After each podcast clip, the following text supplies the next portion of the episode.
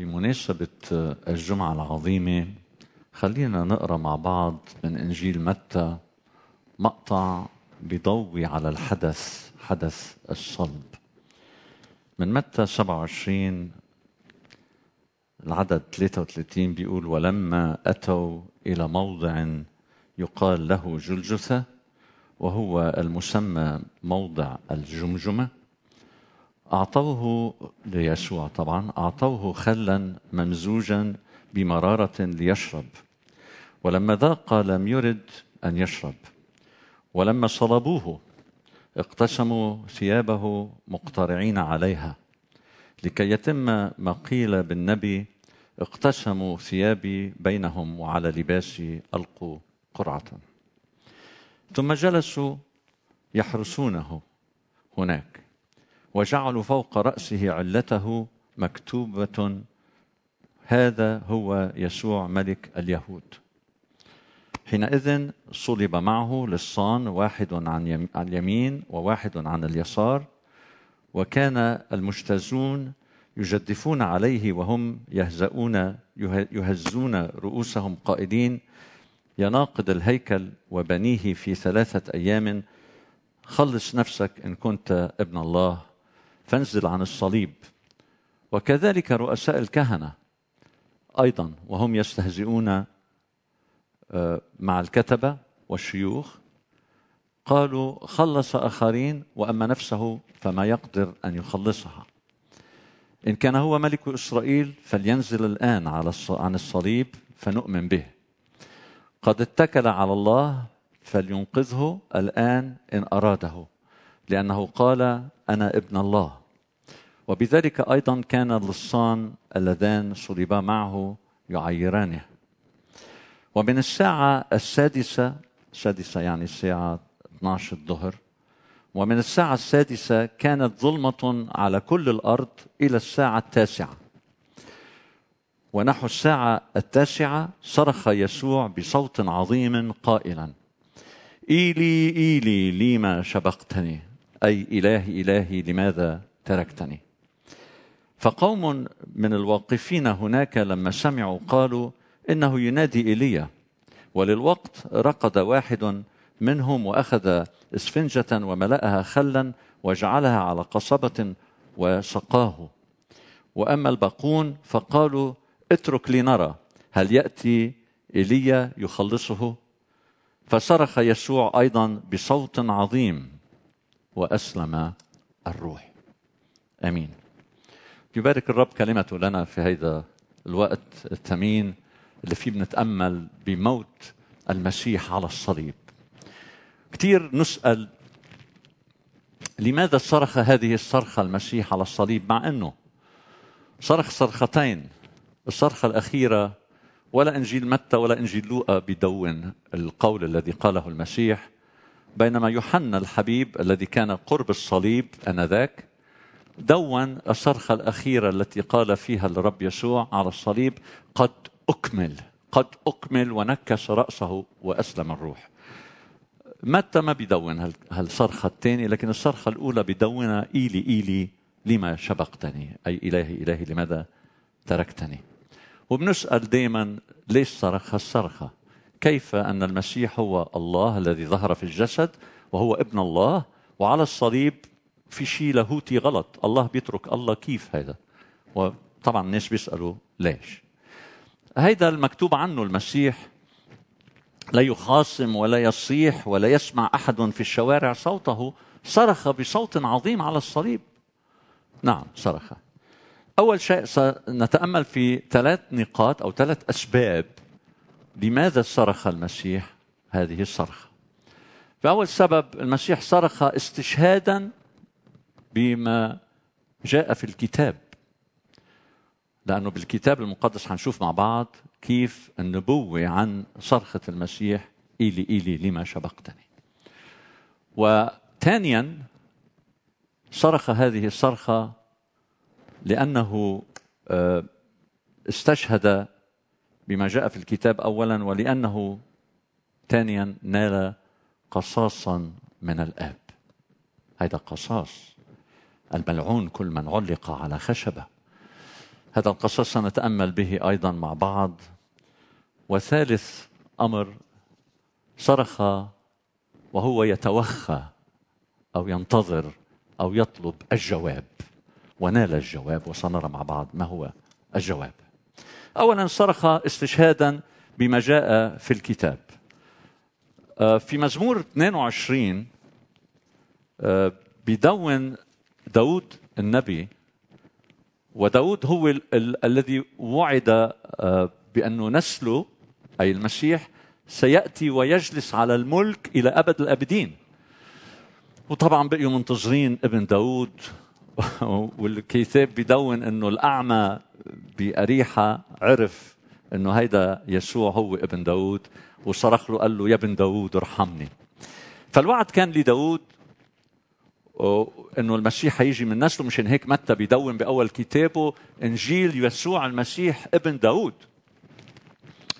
فإذا داود كان بروح النبوة رغم إنه يعاني ما يعاني منه ويصرخ إلى الله لكنه بروح النبوة تفوه بهذه الكلمات إلهي إلهي لماذا تركتني؟ بعيدا عن خلاصي عن كلام زفيري. ويتابع داود في المزمور كل ما قرأناه بمتى كل ما حدث للمسيح. بيقول كل الذين يرونني يستهزئون بي يفغرون الشفاه وينغضون الرأس قائلين اتكل على الرب فلينجه لينقذه لأنه سر به. ذات الكلام اللي كانوا عم يتداولوه. وبالآخر المزمور تقريبا أو بنص المزمور بيقول لأنه قد أحاطت بي كلاب جماعة من الأشرار اكتنفتني ثقبوا يدي ورجلي وأحصي كل عظامي وهم ينظرون ويتفرسون في يقسمون ثيابي بينهم وعلى لباس يقترعون. أمام مسمع الجميع اللي كانوا تحت الصليب ومنهم حسب ما دون الكتاب بمتى مثل ما قرأنا كان في رؤساء الكهنة. وكان في الكتبة والكتبة هن الذين يدونون الكتاب أو ينقلون الكتاب. ما كانش في مطابع تعمل الكتاب المقدس. سو دائما كانوا دائما ينسخوا الكتاب ونسخ دقيق جدا لدرجة إنه وقت بيذكروا اسم الله بيغيروا الريشة تيكتبوا الله بريشة جديدة. قديش دقيقين ما فهموا على الصليب عم يصرخ المسيح. إيلي إيلي لما شبقتني؟ ما استوعبوا إنه هيدا المزمور النبوي تم ثقبوا يدي ورجلي وأحصي كل عظامي؟ لم يبالوا. لم يبالوا بل استهزأوا كملوا النبوة باستهزاء استهزائهم بالمسيح. الشيوخ كانوا عند الصليب. الشيوخ ما بيسمعوا كلمة الله. كل يوم سبت كانوا يجتمعوا تيسمعوا كلمة الله. ما سمعوا مزمور 22 كم مرة سمعوا؟ لم يبالوا. إذا لماذا صرخ المسيح هذه الصرخة؟ لكي يتمم. المكتوب ما جاء في الكتاب. تمم ما جاء في الكتاب. لكنه تألم. تألم آلام مبرحة. تألم جسديا ونفسيا. ابن الله الذي لم لم يفعل شيء من الخطية. لم يوجد في فمه غش ولا مكر.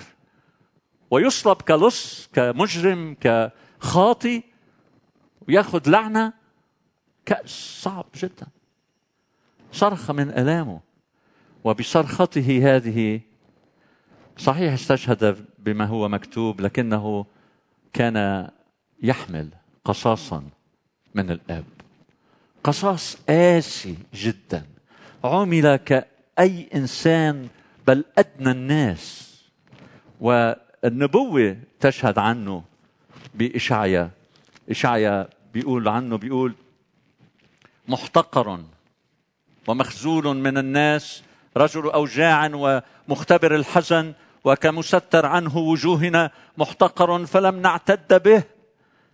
لكن أحزاننا حملها وأوجاعنا تحملها ونحن حسبناه مصابا مضروبا من الله ومذلولا وهو مجروح لأجل معاصينا مسحوق لأجل أثامنا تأديب سلامنا عليه. وبجروحاته بحبره. شفينا. كلنا كغنم ضللنا. فينا نردد هالشيء مع بعض هلا؟ أمام مشهد الصليب. نقول له يا رب كلنا كغنم ضللنا. ملنا كل واحد إلى طريقه. والرب وضع عليه إثم جميعنا. ظلم أما هو فتذلل ولم يفتح فاه. كشاة تساق إلى الذبح وكنعجة صامتة أمام جزيها. فلم يفتح فاه. هذا هو ابن الله الذي أتى خصيصا حتى يقدم الفداء عن كل واحد وواحدة منا.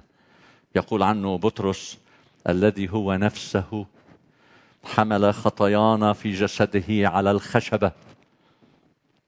لكي نموت نحن عن الخطايا فنحيا للبر. قديش مهم نقارن الذي استبدل قصاصنا وأخذ القصاص عنا.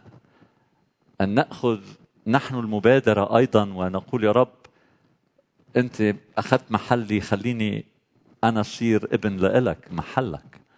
وصير أقدر نادي لله قل له يا أبانا يا اللي بالسماء صير ابن وصير بنت لله مش بالوراثة. لكن بروحي يقول الرب. المولودون من الروح. هودي أولاد الله. المسيح افتدانا من لعنة الناموس يقول بولس.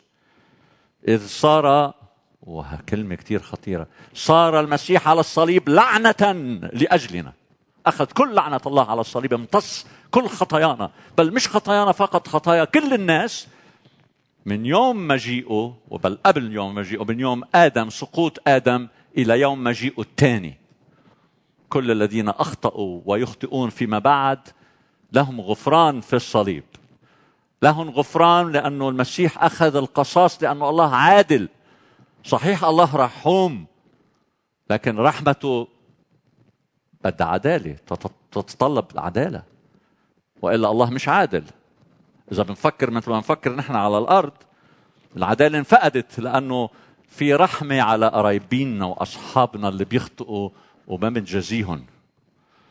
لكن الله برحمته حتى يرحمنا وعدالته تتم أرسل ابنه الوحيد متجسدا لكي يأخذ مكاني ومكانك ومكانك على الصليب. اذا المسيح لماذا صرخ هذه الصرخة؟ استشهد بما جاء في الكتاب وأخذ قصاصا من الآب. وحمل كل الآلام البشرية منذ سقوط الإنسان إلى مجيئه الثاني. لماذا صرخ أخيرا؟ لأنه توخى انتظر الجواب انتظر الجواب. بيقول إشعيا بيكمل بيقول الذي من أجل السرور الموضوع أمامه احتمل الصليب. مستهينا بالخزي فجلس عن يمين عرش الله. بيقول إشعيا بنبوته بيقول إن جعل نفسه ذبيحة إثم يرى نسلا تطول أيامه ومسرة الرب بيده تنجح. كان شايف بالسرور اللي قدامه إنه يشوف نسل تطول أيامه ومسرة الله بيده تنجح. كان عنده سرور إنه يقدم نفسه ذبيحة بدلا عنا حتى يشوف أولاد لله ياتون إلى الله. قال الله يفرح بخاطئ واحد يتوب. أكثر من 99 خاطئ لا يحتاجون إلى توبة. بار عفوا. 99 بار لا يحتاجون إلى توبة. الذرية بيقول بالمزمور نفسه 22 بيقول الذرية تتعبد له يخبر عن الرب الجيل الآتي يأتون ويخبرون ببره شعبا سيولد بأنه قد فعل قد فعل. نعم المسيح قد فعل الرب قد تمم الخلاص على الصليب. قد أكمل قد أكمل الصرخة الثانية. فاليوم الفرصة موجودة أمامي وأمامك وأمامك.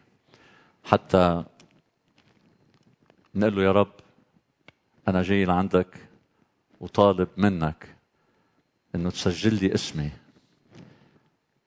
مع اللي غفرت لهم تغفر لي. بالصليب. يا من حملت ذنبي على الخشبة.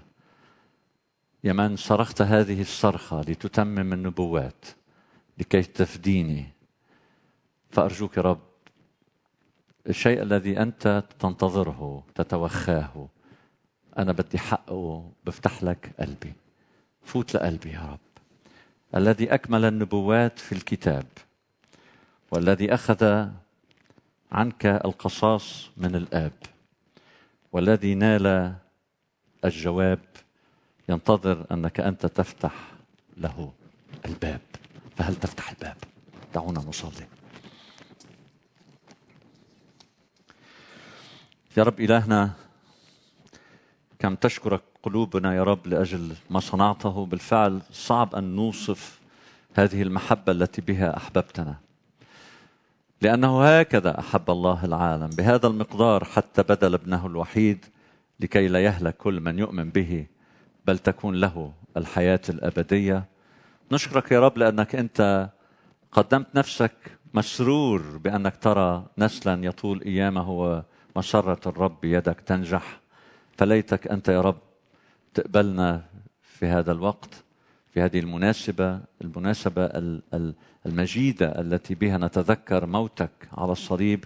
شكرا لأنك أنت قمت ظافرا من الأموات حتى تهبنا الحياة الأبدية ونكون معك إلى أبد الأبدين. فأرجوك يا رب ترش دمك على جميع الذين قبلوك في هذه الساعة وتعطيهم يا رب اختبار حتى يولدوا أولاد وبنات لله ويقولوا لك يا أبانا يلي بالسماء تمجد فينا باسم يسوع. آمين.